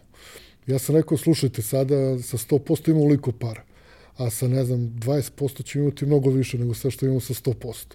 I to je negde moje, ovaj, moje del. Korporacijama pričate na kraju s direktorima onim brojevima što su dole crnim. Kako ste vi donali, njih ne zanima, samo je bitno da dođu. Ovaj, nažalost su cifre, da kažem, prodaje portala otišle ovaj, u švajcarske brojeve, gde lokalno se nije isplatilo. Ovaj, Nelti povuku jedan, ajde da kažem, potez ka meni više su mi dali ponudu neku koja mi je bilo jako, jako teško da, da odbijem, a bilo mi je jako teško, ovaj, nekako sam se emotivno vezao i za projekat i za Rengier, i za Non Stop Shop i za Rengier. Ovaj, oni su uspeli da kupe Non Stop Shop, ali su na kraju uspeli mene da kupe. I ajde da kažem negde u razgovor, porodičnom razgovoru sa mojom ženom, sam ovaj, prešao u Nelt, Nelt je u tom trenutku moje tranzicije kupio tako lako. E, meni je bio poznat tako lako, negde u fazonu sam bio ovaj, kao što ste to uzeli. Ovaj, pa ne znam, oni prave para koliko vi pravite. Ja rekao, ok, ne verujem, ali ajde da, da vidimo. Na kraju taj tako lako, posle meseci i po dana sam ja rekao, ovaj, od ovog projekta nema ništa, Neltu, ovo možda bacimo, oni praktično je firma ušla u to, kupila, nisu znali šta su kupili. I ja da kažem i kod i sve ostalo u toj matičnoj kući, u vlasništvu. Ovaj. Pre neki dan su me zvali, ovaj, pošto tako lako još nije završio svoje ovaj, putovanje, sad ima još, još on putuje, ovaj, su me zvali za kredencijale za Facebook. Koje, ovaj, ajde sad, ovaj. Tako da, posle meseci po dana je sad ono projekat rekao da ovo neodrživo za ono što mi hoćemo da napravimo za veličinu firme ko što je NAL. Takođe ljudi koji su uzeli sa tog projekta su uzeti ljudi koji nisu trebali više toj firmi, a oni koji su valjali su zadržani tamo. I negde ovaj, ono što je super bio i super potez Nelte zbog svoje veličine, rekao šta da mi radimo. Ja kažem, ajde da napravimo naše. A da kažem, trenutno tako lako koji ne možda vidite, koji se sad ovaj, usisan od strane nove kompanije, smo ga mi napravili. To je bio prvi, da kažem, moj dodir sa Magentom, sa razvojnim timom, eksternim timom programera, znači nema dva programera s kojima pušimo cigaru, pa kao pijemo kafu, pa je sad kao to da uradimo, pa sačekamo da odu novinari u pet, pa sad ćemo mi da kucamo do pet ujutru, ovo, ovaj, ali smo pravili rezultate, ovo, smešno je to zvučilo, smo pravili rezultate. Dan danas se ja družim sa programerima iz, iz, ovaj, iz Blica, ovaj, zajedno svašta radim. Ovaj, I tu negde, ajde da kažem, ovo što ste videli, ta, tako lako taj novi što je osvano na Magentu je, zaista mi ovako ponosan sam na sve što je napravljeno sa svim tim nekim ogromnim erpom iza, sa, sa, sa timom ljudi koji, koji sam, ajde da kažem, HR koji, koji smo zajedno napravili u jednoj velikoj korporaciji. Bilo je tu borbe svakako ovaj, da, tu što sam učio isto da, da, možda, da možda nekada i ne treba neki startup praviti u okviru jedne velike korporacije. Napravo, trebale su neke izmene na nekim serverima, Melt ima svoj zatvoren sistem, mislim da možda da ko mainstreama, da kažem, možda hosta isto toliko ove stvari. Ovaj, trebalo neka izmena u samom procesu nekom, u nekom cron jobu koji će da radi, koji nisam mogu da, da, da stavim tamo, jer je na tom serveru se radi Philip Morris i biznis koji nosi 400 miliona evra. I kaže, da, Mare... To je malo nezgodno da, onda. Kaže, Mare, kad budeš zarađivo ove te pare, onda možda dođeš ova. I onda negde sam čak vidio i to ono što preporučujem danas velikim kompanijama, je da te male start-up projekte, dig, pogotovo te digitalne, ovaj, razvijaju sa strane, da ne razvijaju pa svom, to, da, da ne razvijaju, ne razvijaju svom, eko, onom, svom sistemu, eko okruženju cele korporacije, nego bukvalno da vode kao neki eksterni projekat da ne treba, ne znam, da radi na SAP-u, da ga ne optereću tino, ima jeftinijih HERP rešenja, da, da ne treba, ne znam, da šeruje 2% trošaka IT-a koje je neki nenormalno jer još ne zarađuje pare. Čak i ono, ne znam, ja sam se izborio na kraju iz Dobanovca, taj projekat prebacimo u Karadžorđevu ulicu, čak i geografski da se odvojimo od, i od ljudi od okruženja i procesa velike korporacije, ali opet tu da bude taj veliki brat koji može i finansijski sa nečim drugim da pomogne taj projekat. Eto, tako lako sam bio, ovaj, pa mislim, dve ili tri godine, ovaj, do, kažem, do dijaspore, do nekih stvari koje se meni lično, interno nisu svidele, ajde da kažem, tu, tu jednoj drugoj firmi je prodato 50% tako lako, jednoj italijanskoj firmi, E, meni se jednostavno nije svidio način na koji oni rade. E, s druge strane, ta porodična korporativna kultura u Neltu počela da se da se ovaj, da se pravi jedna zaista ozbiljna korporacija kako zaslužuje Nelt da ima, koje uopšte tim promena tih procesa unutar firme uopšte nisu laki. Ja. I čak, ovaj, ma da kažem, ne samo da se implementiraju, nego da upravo ome što pričamo ljudi prihvate to je na taj način da počnu da shvate, da shvate posao i da rade. Ovaj, I negde ja sam, da kažem, napustio to da bi prešao na novi projekat, neki svoj projekat. Uh, ne mogu da kažem ni za non stop shop, ni za tako lako da, da, ovaj, da li sam bio srećan na odlasku. Moja žena sigurno nije sreća što sam otišao iz Nalta, to mogu da kažem odmah. Ovaj, zbog finansijskih razloga, naravno, ali ovako zbog ličnih, isto nekako mi žao na način, ono što tako lako i kome sam ostavio i ovaj na kraju gde je sad, epilog. da kažem, epilog ovaj, svega šta se desilo. A, Diaspora Shop kad je krenula uopšte ta priča, a ima tome dve i po, tri godine, dve godine, tako nešto, ovaj, mi je meni bilo kao koncept ono, skroz cool, uh, jer je bilo još od 2000. godina je bilo gomila ljudi koje je pokušavala da proizvode odavde učini dostupnim dijaspori, jer prosto ono kao vole ljudi smoki, vole ljudi plazmu, vole, ok, sve to, sve to stoji. Ja se sećam u tom kratkom periodu kad sam ovaj, bio kod eh, tadašnje devojke i verenice u Beču, kao to, znaš, ko Beč, mislim, koji je realno eh, drugi najveći srpski grad, treći posle Čikaga i Beograda, Ove, kao u Beču imaš to video klub sa našim filmovima, tada 2002. Imaš prodavnicu u koju se ono ulazi iza paravana i to sve ulaziš u prodavnicu kao da si ušao u Centropol, da, C-Market, u tom PKB-tu. Ovaj, ima sve. Međutim, a, ovaj koncept je b, drugačiji.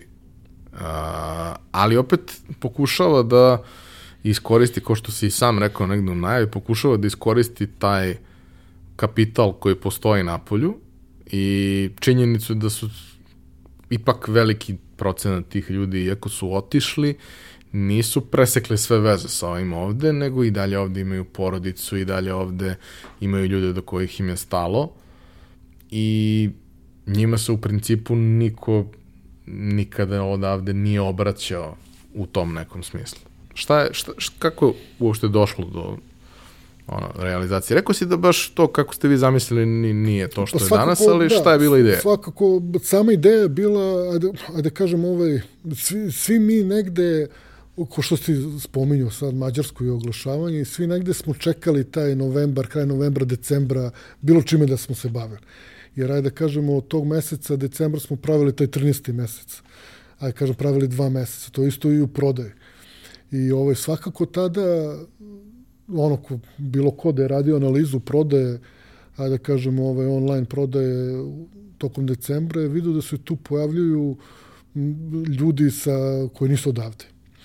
To znači da neka tetka iz Štoholma pošalje šest paketića svojim sestrićima u, ne znam, u, ne, u Negotinu ili tako negde, da se dešava da, da uglavnom su to bili neki, ja da kažem, pokloni ili čak neki, ja da kažem, skuplji, skuplje stvari koji su se tada kupovali ljudi spremni, spremni da troše. Jer, nekako, kod nas nova godina i taj, zato kažemo, druga polovina novembra, naravno, ovaj, se poklepa sa slavama.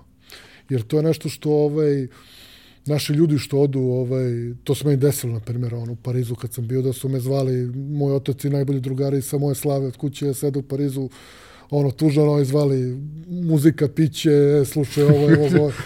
I to je nešto emotivno što, što ljudi ono veže. I to su ljudi spremni da pošalju pare i da kupe nešto.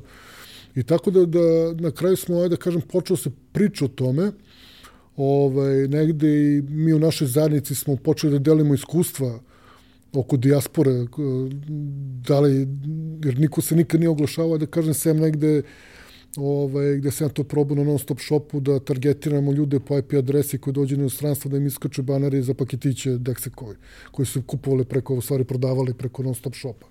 I to je radilo fantastično. I onda šta bi bilo kad bi mi... Đavo si ti. šta bi bilo kad bi mi ovaj, napravili, objedinili to ono mesto i dali im sve na jedno mesto. Jer tim ljudima ništa... Uh, ajde kažem, blici znači izašlo zbog veste, ali ništa im ne znači, ne znam, u ovom trenutku Deleze. Ništa im ne znači Deksiko, neki ljudima koji su otišli pre 40 godina odavde. I onda kad smo ušli u brojeve da vidimo koliko je to para u nekim raznim doznakama koje dolazi iz, iz dijaspore u Srbiju, mi smo shvatili da u stvari najveći ovaj, finansijski ono ko finansira celu Srbiju u stvari njih, njen naša migracija koja otišla. To je neka cifra od 5 milijardi eura bila tada pre dve godine koja je dolazila u raznim doznakama u Srbiji. Da li se to posle koristilo, ne znam, za, za slavu, za paketić, za klažu, ovo što smo pričali, ali za, ne, za plaćanje računa, struje, ali se svakako te pare trošile ovde. E, svako su se trošili za kupovinu novih patika, frižidera, televizora, igračaka ili nekih ran, rančeva za polazak u školu. Ovaj, nama ideja ja sam se, ajde da kažem, u, u razgovoru sa ekipom iz Tehnomanije, tada, sad, sada bivšom ekipom Tehnomanije, ovaj, pričali o tome i menjali iskustva. I negde tadašnji, ajde da kažem, direktor marketinga, Emil Hubač, Tehnomanije, ajde da kažem, dao ideju, kaže, aj napravimo naš zanu, kao ajde, naš, krenuli da pišemo projekat, E, najinteresantnije je da smo ceo projekat napisali i napravili u salonu za pranje tepiha na Rakovici u jednoj, ajde da kažem, ostavi gde je bio jedan računar, jer to je treći partner, je i vlasnik tepih servisa. I o, to je bilo mesto gde smo mogli na miru, ajde da kažem, da sedemo među tepihe, čujemo ovaj, smešno, zaista jeste. Ovaj, da pišemo ceo projekat i da kao, ajde, da stavljamo neke cifre. I na kraju, ajde da kažem ovako, mislili smo da smo našli, ajde da kažem, zlatnu žilu e-komerca u Srbiji.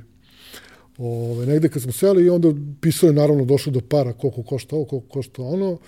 Mi kao ajde izadimo ove, za džepove, kao da imamo koliko imamo love na sto i kao, kao ajde, kao mora da radimo još da bi ovaj projekat mogli da pokrenemo i da bi mogli da plaćamo dvoje, troje čoveka koji će se baviti tim.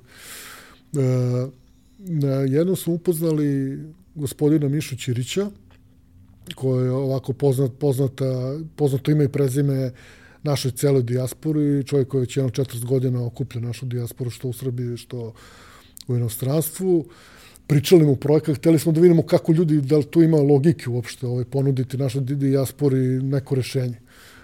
Ove, ovaj, bili smo Ko smo piše po ti neke, da kažem, ekstremne mesta, ustanak do ovde na Mišenovcu, ovaj, na, ćevapim, na ćevapima ovaj, pričali ovaj, mi u predstavljamo ko super, to je super, on stalno neko pita, kaže čak meni daju pare, evo ti idi, odnese ovima mojima ili nađi mi, treba da kupim mojima, kaže super da ima, kao da komuniciram. Negde tu Miša je bio naš partner, je bio zadužen za to da, da, da priča ajde da kažem, s usta na usta, njegov reč je dosta tamo, ajde da kažem, je cenjenje važilo u inostranstvu, kao je jedno mesto gde može to sve da se uradi.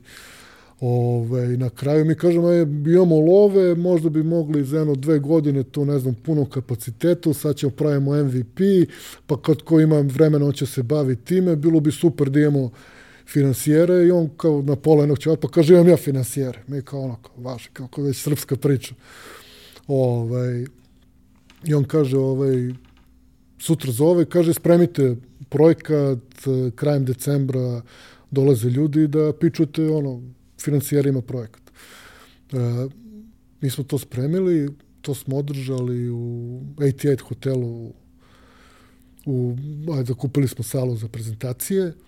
U pitanju je bio, nama je ideja bilo da skupimo pool sponzora iz dijaspore.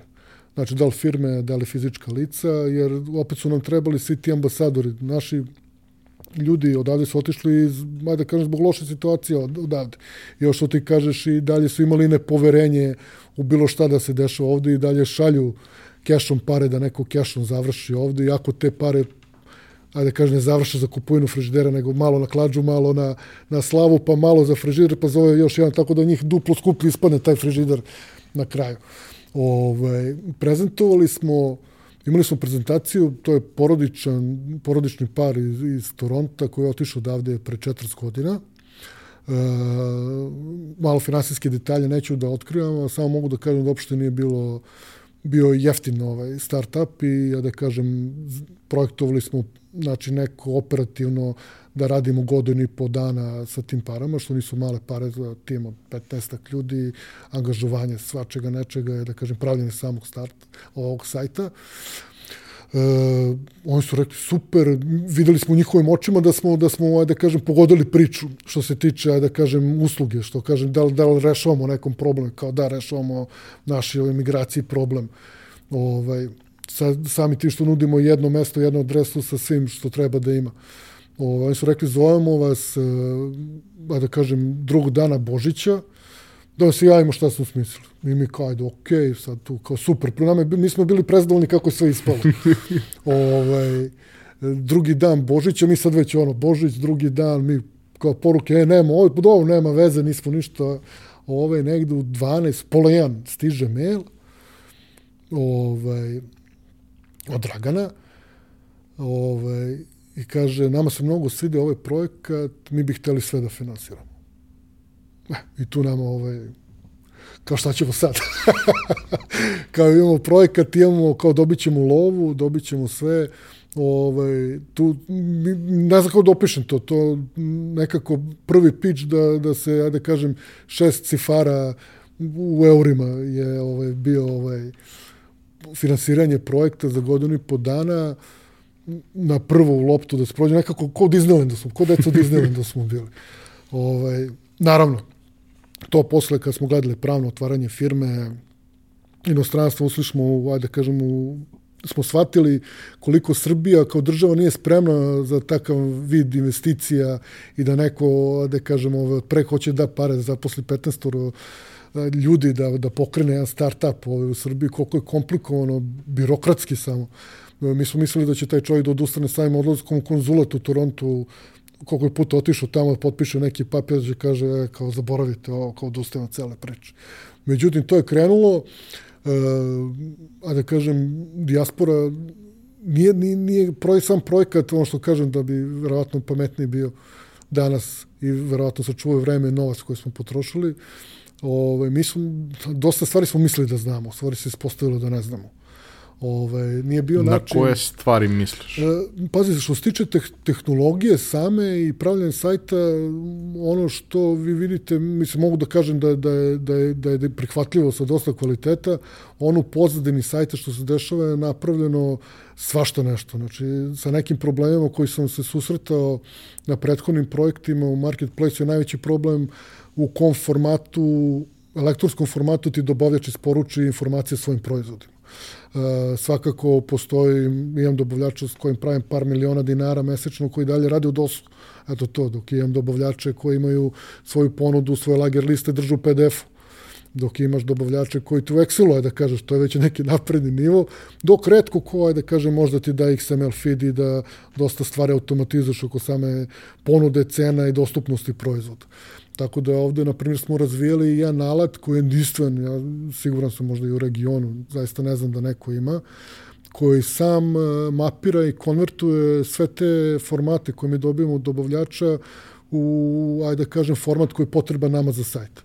Znači čak i neki Excele, čak i PDF smo mapirali sa poljima koje informacije skupljamo, do, kažem, nekog eksternog hibridnog rešenja koje smo pravili sam. Svaki dobavljač je priča za sebe na kraju bio. I sami tim, da kažem, tim softverom, mi ga zovemo Helper, smo napravili, da kažem, dosta automatizacije toga. Naprimer, meni sada četvoro ljudi vodi oko 120.000 proizvoda na sajtu. Dosta tu ima, opet mora neko da pogleda nekad to, desi se da ne radi kron, da neko ne vidi dva dana, ali mi vidimo po naročbenici čim nema na stanju kod dobavljača, znači ne radi kron negde. Ovo, ovaj, tako da, na primjer, te stvari smo dosta, dosta, dosta, ajde da kažem, pažnje, da kažem, i sredstava finansijskih uložili. E, dosta problema, ono što smo bili sigurni i što smo znali je bio način da dođemo do, ajde da kažemo, ovaj, naše dijaspore. E, dosta smo koristili, ne znam, društvene mreže, dosta smo koristili neke TV emisije, dosta, ne znam, ajde da kažem, štampanih materijala koje smo slali tamo, koje su delili ispred crkava, ajde da kažem, ovaj, srpskih crkava tamo. Ovaj, na kraju, dijaspora se nije desila u količini koje smo mi očekivali. Oni su došli, videli, mi smo doprali do njih, napravili su taj klik, došli, pogledali, nisu kupili. E, nama je ostalo ovaj, rekli smo, konverzije su počele da se dešavaju, ali ne u toj količini koju smo mi projektovali u nekom biznis planu. I naravno, u jednom trenutku, pošto cash flow se nije dešavao u toj količini koju smo mi očekivali, smo morali negde da uradimo nešto da svi čujemo biznis, da, što voli da kaže sa sav, savremeni aj kažem, revizori, budget harmonization, da se uradi. ovaj, neke stvari smo morali da sečemo, neke stvari, ajde da kažem, u marketing budžetu smo morali komunikaciju samo da menjamo. Tako da, da dijaspora je počeo se dešava sporo, na kraju konverzija bila skupa, ovaj, dok nismo našli, ajde da kažem, jedan od kanala koji ono, totalno nam je bio spore da našli jeftino da dođemo do njih i da brzo, da kažem, proguramo neku priču. Sama, da kažem, pandemija i ovaj lockdown je doveo do eksplozije dijaspore. Da se desio, znači, ono gde smo, kažem, imali smo dve, dve sreće, jednu sreću i jednu nesreću koja je nam donela ovaj, posetu i profit na sajtu, a ta nesreća je pandemija koja nas je sve zadesila jer te sve pare koje smo, ajde kažem, potrošili na našu dijasporu, koje se nije desilo, se sad desilo. Ja su rekli kao, aha, evo sad, ovaj, kao sećaš se one diaspora shop gde su nam iskakali po društvenim mrežama i, i na televizijama i na Žikinoj šarenici, znači nema gde nismo probali ovaj, da uradimo, se sad desilo. I onda smo shvatili da naša diaspora jednostavno, jednostavno je toliko ka Srbiji izgubila poverenje. Ono da, da, da, da smo morali više, više da, im, da im ne guramo priču prodajnu, nego emotivnu. I onda kad se desilo to, ajde da kažem, emotivne te stvari, kad smo promenili način oglašavanja, ajde da kažem, sama pandemija i ono da, su, da znaju da neki njihov, ajde da kažem, stara majka zatvorena u svom stanu i da ne može niko da dođe do nje, da on, ne znam, 4000 km na drugoj strani planete, ovaj, da je jedini način bio, ajde da kažem, dijaspora da se dođe do toga. Tako da, ovaj, sigurno da kaže način komunikacije ka dijaspori, samo shvatanje dijaspore Ove, naravno, tu se izdvajaju grupe u dijaspori, da, da postoji upravo ta grupa koja je vezana oko Austrije, Nemačke i Švajcarske, da to totalno drugačije na druge stvari prodajno reaguju oni u odnosu na ove što su, na primjer, Severna Amerika, Kanada i Sjedinje američke države, dok totalno treća grupa su ovi Australija, a neka nova fancy ekipa koja je sada trenutno ono Skandinavija gde svima treba ovaj posebno komunicirati i ono što mi mislimo, ne znam, Švajt, ova Francuska, Španija, e, ne znam, Južna, Južna Afrika, ovako da totalno svima treba drugačije ko drugačije drugačiji vid ljudi. Oni oni više nisu nisu nisu Srbi. I bukvalno treba prilagoditi način komunikacije ko što im je tamo. I taj trenutak poverenja koji je totalno izgubljen ka ka, kažem, Srbiji, ka stvarima koje su vezane za Srbiju, treba graditi duže i što naravno košta više. Dobro, ali sada već postoji rezultat. Naravno, rezultat, ajde da kažemo, ovaj, postoji. Mi, ja da kažem, u nekom trenutku smo i svičovali, znači morali smo da svičujemo način oglašavanja, jer tada veliki procenat e, marketing sredstava iz, iz tog finansiranog dela smo kretali ka dijaspore. U jednom trenutku je dijaspora se nije dešavala u količini koja se dešavala, međutim počela Srbija da se dešava. Iz razloga što su se mi oglašavali dijaspori, a dijaspora što je zvala lokalnu Srbiju, kaže, e, našao sam neke, si čuo za njega, nisu nikad. Kaže, ajde, idi, vidi. Ode vidi, kaže, pa čekaj, mi smo išli ono, super cene, s dobavljačima dobre dilove pravili. Kaže, pa vidi, ovo je super, onda on zove nazad, kao, je, kao uzmi mi ovo, ili kaže, kupit ću ja sam sebi ovde. I onda negde je počeo da raste Srbija i u trenutku kad smo, da kažem, negde preraspodelili kvalitetno taj marketing budžet, da ne bude ceo, da kažem, nismo nikad ni ceo, nego nekih 80% orijentisali ka dijasporu i kad smo splitovali na nekih 60-40%, nama je eksplodirao, ajde da kažem, sajt u Srbiji. I nama se desilo da, na primjer, Srbija je održala tu priču za dijasporu. Dobro da, tu postoji jedan a, problem koji vrlo često ljudi ovde izgube iz vida, a to je da oglašavanje ka toj publici u tim zemljama je neuporedivo skuplje Naravno. nego bilo kakvo Naravno. oglašavanje ovde. Sve Jeste, ti to limitiraš i nađeš način da po jeziku, po interesovanjima i tako dalje. Sve smo upravo ono što sam ti pričao, da, oni, da, da tu opet i u tim zemljama na način na koji se komunicira postoji generacija. I on sam shvatili da čak postoji generacija koja ima, ima veze sa Srbijom, čuje se sa svojim ovde, ali nikad nisu bili u Srbiji. Naprimjer, to nas se dešavalo. Znači, to je neka, da kažem, četvrta, peta generacija naših migranata tamo. Znači, deca koji su se rodila tamo, krenula odmah da pričaju, ne znam, engleski, da idu u engleske škole, a da su čuli srpski na nekim slikama i kroz neke video kolove videli svoju baku, prabaku koja sedi, ne znam, u Beogradu ili u Negotinu, na primjer. Ovaj, tako da, da, da sam taj trenutak e, dosta smo, na primjer, para za remarketing trošili. To me užasno nerviralo, a na kraju se isplatilo. I oni su došli, videli, aha, ok, to je tamo neki, njemu ne znači Maxi, Diaspora Shop, njemu je to isto, kao je hrano, ovi možda frižidere, E dok mi nismo, ne znam, on otišao na Blitz pa vidio tamo kampanju. Pa ne znam, otišao na Facebook pa vidio tamo. I onda oni razmišljaju to način, aha, ovo nisu neki, da kažeš, klinci koji, ne znam, guraju neku kampanju, znači mora da su okej. I onda se desi taj trenutak da neko zove da, da li je slava, pokvario se frižider ili ti treba da se pošalje lovo, na primjer to smo ubacili transfer novca sad skoro na, na sajt, ili treba da se pošalje lovo i on kaže aha pa čekaj od diaspora mi to nudi, daj mi rešenje. Tako da dosta energije, dosta vremena i dosta financija je potrebno. Naravno, njihova kupovina, na primjer, ja ne moram, pošto oni svi naići, da kažemo, ove tamo i ovde, čim vidim iznos i da je kartica u pitanju, znam da je diaspora tako da je nemerljivo njihovi, ja da kažem, trenutno iznosi kupovine i lokalni, ne mogu da se mere njihove korpe. Za kraj bih volao samo da ispričaš neke od zanimljivih slučajeva, šta su ljudi naručivali i šta su neke interesantne priče vezane za poručbine koje su bile, jer upravo projekat je takav da on, ok, komercijalno on ima smisla i sve je to u redu, ali upravo ta emotivna komponenta je nešto što zaista pravi drastičnu razliku, jer kao što si rekao, poente da ti nekome rešiš problem. Nije stvar, samo stvar para, nego on da. treba da bude spokojan da će to što će naručiti neko zapravo da odnese, neko zapravo da montira, da neće prevariti pa to, osobu i tako dalje. Evo, baš večeras isto imam gostovanje na, na, na nekom video mitingu za e-commerce i upravo jedno od pitanja je to šta je šta je, naj, šta, šta je point e-commerce, šta je kao kad si pobedio. Ja upravo kažem sama vrednost portala.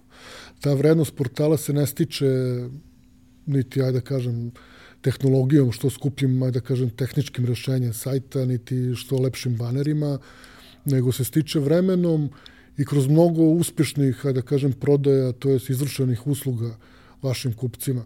E, na, na primjer, nama se desi da imamo proizvode koji su skuplji, svesno smo skuplji, da li jer nismo mogli da dajemo bolju cenu nego neki veliki lanci ovde što prodaju tehnike, a ljudi dođu i kupe kod nas i pričamo i znamo da su one, vidimo da mu je četvrta kupovina i on kaže, vidio sam da je, ne znam, tamo jeftinije za hiljadu i po dinara, ali ovde znam Snežu na, ne znam, call centru i znam ako mi bude zatrebalo nešto, ću zvati nju da će mi ona rešiti problem.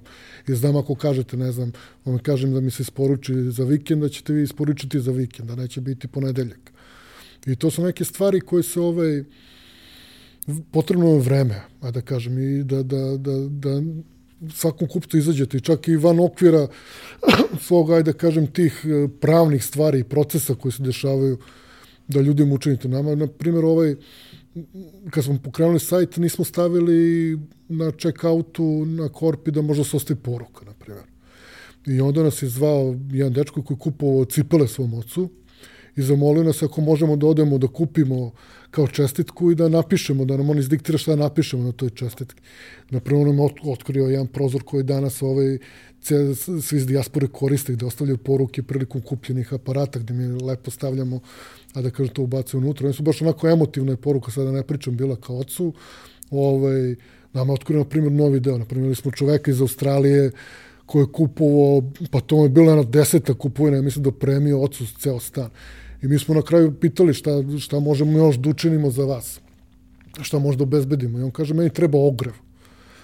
I mi kao ogrev, kaže, da, drva, kaže, meni star otac, kaže, eto, ja sam sve nove aparate, to da ne mora brine da će da radi kući, ali mene brine kad ode da seče drvo u šumi, da će se vrati, kaže, mnogo je mator, kaže, i sneg će guhoti nešto, i kaže, brinemo oko toga, ako to možda mu isporučite, kaže, ove, evo, spreman sam platim koliko god da tražite. I onda negde taj čovek nam je ovaj, to opet što pričam, ono, kažem, komunikacija s kupcima, nije, s kupcom nije završena priča onog trenutka, kupio, platio, isporučio, ćao, doviđenja, nego treba tu ovo što se rekao, marketinga dosta.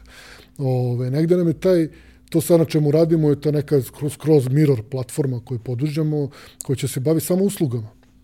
Gde smo shvatili ovaj da, da nekom, nekom, ajde kažem, treba ogrez za oca, nekome treba medicinska usluga, e, neko treba da preveze, ne znam, majku ovaj, od kuće do doktora i da je vrati nekome, treba letovanje nekog ko upravo što nikad nisu bili u Srbiji, ne, ne pričamo o, ne znam, turističkim aranžmanima koji sad možda vidimo na bilo kome izlugu turističke agencije, nego nešto gde bi vas odveo vaš prijatelj ko, kad bi došao, ne znam, kod nas u Beograd, da bi ga mi odveli.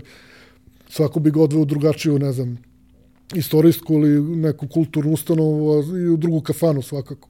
O, ovaj, ne, negde na taj vid, da, kažem, pravimo neki miro portal sa uslugama, obezbedili smo načine plaćanja, za vreme malo pre pandemije smo sa Univer Exportom obezbedili a da kažem i taj neki osnovne FSG, a da kažem proizvode koje ovaj, isporučujemo zajedno sa njima. Pa eto, to je to negde. Ono, slušamo, slušamo naše kupce, slušamo šta pričaju, slušamo iskustva, nisu sva lepa, iz loših gledamo da ispravimo što pre, da napravimo još bolje, eto, to je to. Živimo, živimo i komers, živimo dijasporu. Mane, hvala ti na, na priči, hvala ti na gomili raznih iskustava, anegdota, ali i vrlo nekih praktičnih saveta i ja stvarno ne verujem da neko možda nauči na tuđem primjeru, da se razumemo. Praksa govori da se obično uči na sobstveno, ali nije loše kad imaš tuđa nek, tuđe neke uvide i saznanja da u odnosu na njih možeš da razmišljaš možda makar. Znaš što bih ja dao da imam Mareta tamo za jedućan i nešto. da se ima da pitu. Pa dobro. I za mnogo druge neke stvari. Ne, ovaj, manje više posla, da kažem poslovne, što se rekao, i životne stvari. Hvala ti još jednom. Hvala, A, hvala vam što ste nas slušali. Hvala našim prijateljima iz kompanije Epson koji nas podržavaju. Kao i do sada, sve komentare, predloge, sugestije, preporuke, ovaj, ostavite nam za to predviđeno mesto na društvenim mrežama ili u komentarima na YouTube-u. Vam se zahvaljujemo i vidimo se u sledećoj epizodi.